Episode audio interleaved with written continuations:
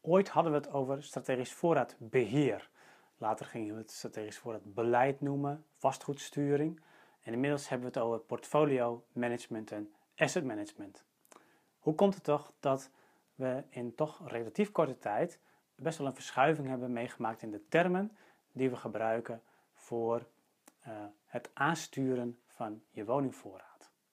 Dat is waar ik het in deze podcast met je over wil hebben.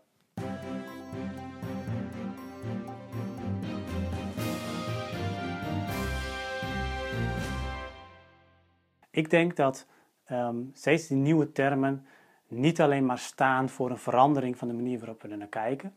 Natuurlijk is het zo dat, um, dat we bijvoorbeeld met asset management meer financieel zijn gaan kijken. Maar um, ik denk dat het vooral ook een symptoom is van het feit dat het maar heel mondjesmaat lukt om die sturing, strategisch tactisch niveau, 10, 15 jaar vooruit, op complex niveau doorvertalen. Dat het maar heel mondjesmaat lukt om dat echt goed binnen corporaties te verankeren. Gelukkig lukt het steeds beter, maar uh, is heel lang niet gebeurd. En hoe komt dat nou? nou? Ik denk niet dat het aan de corporaties ligt, want um, heel simpel, als het gaat om de meerjarenbegroting bijvoorbeeld, dan lukt het gewoon wel. Dus uh, waarom zou het dan met dezelfde corporaties niet kunnen lukken met zoiets als strategisch voorraadbeleid, vastgoedsturing of portfolio asset management, hoe je het ook maar noemt. Um, het zou natuurlijk ondenkbaar zijn dat je dat met een meerjarenbegroting doet. Dat je zegt van, ja, we hebben nog een meerjarenbegroting van vorig jaar. Die gebruiken we gewoon dit jaar nog een keer. Want ja, het is tenslotte een meerjarenbegroting. Um, nee, dat doe je niet. Die actualiseer je elk jaar. En dan wordt ook van je gevraagd.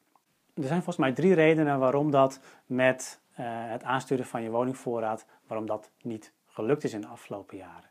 In de eerste plaats is de aansturing veel te ad hoc gebleven veel te veel gericht nog op, dat, uh, op het complex niveau en op incidentele gevallen. Uh, in de tweede plaats is het heel veel op papier gebleven.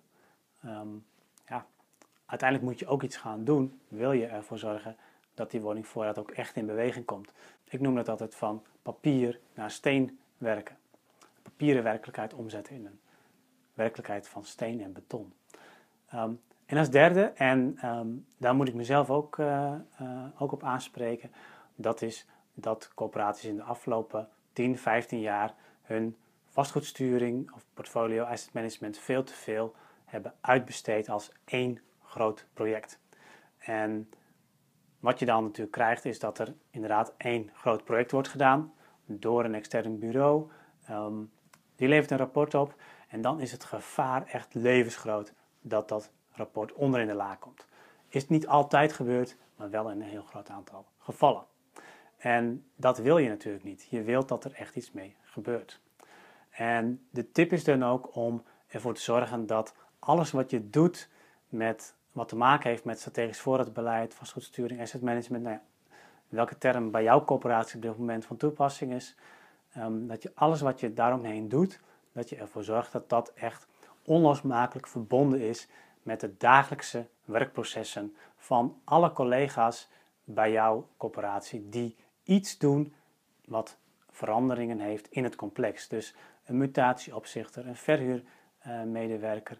allemaal doen ze um, uh, werkzaamheden die ervoor zorgen dat er, nou, dat er iemand anders in het complex komt wonen. Andere doelgroep misschien wel. Uh, of dat er iets uh, fysiek in, het, in de woning gebeurt. Dus zorg ervoor dat dat onlosmakelijk echt verbonden is met de manier van strategiebepaling, zowel op strategisch niveau als ook op complex niveau. Een aantal corporaties die doen dat al. Die uh, werken met het programma Koplopers, waarin ze ja, ervoor zorgen dat ze continu daarmee bezig blijven en ook continu zowel naar buiten kijken, naar de woningmarkt, financiële um, uh, situatie, naar beleidsmatig, wat doet de gemeente, wat doe je zelf als corporatie, welke keuzes maak je, hoe vertaal je die vervolgens weer naar je sturing van de woningvoorraad? Uh, en aan de andere kant ook ervoor zorgen dat ze continu bezig zijn om de implementatie, de uitvoering goed te laten verlopen.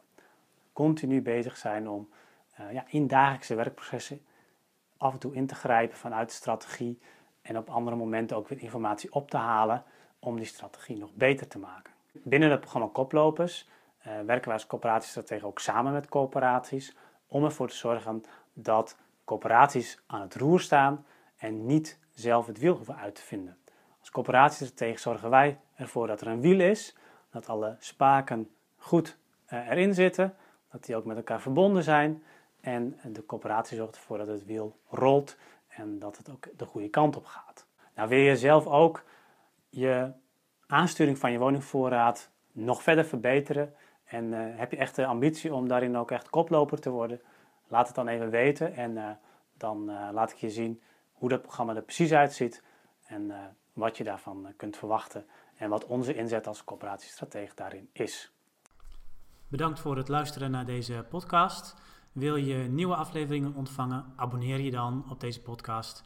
En kijk ook eens op onze website corporatiestratege.nl voor meer praktische tips en downloads die jouw werk als coöperatiestratege makkelijker maken.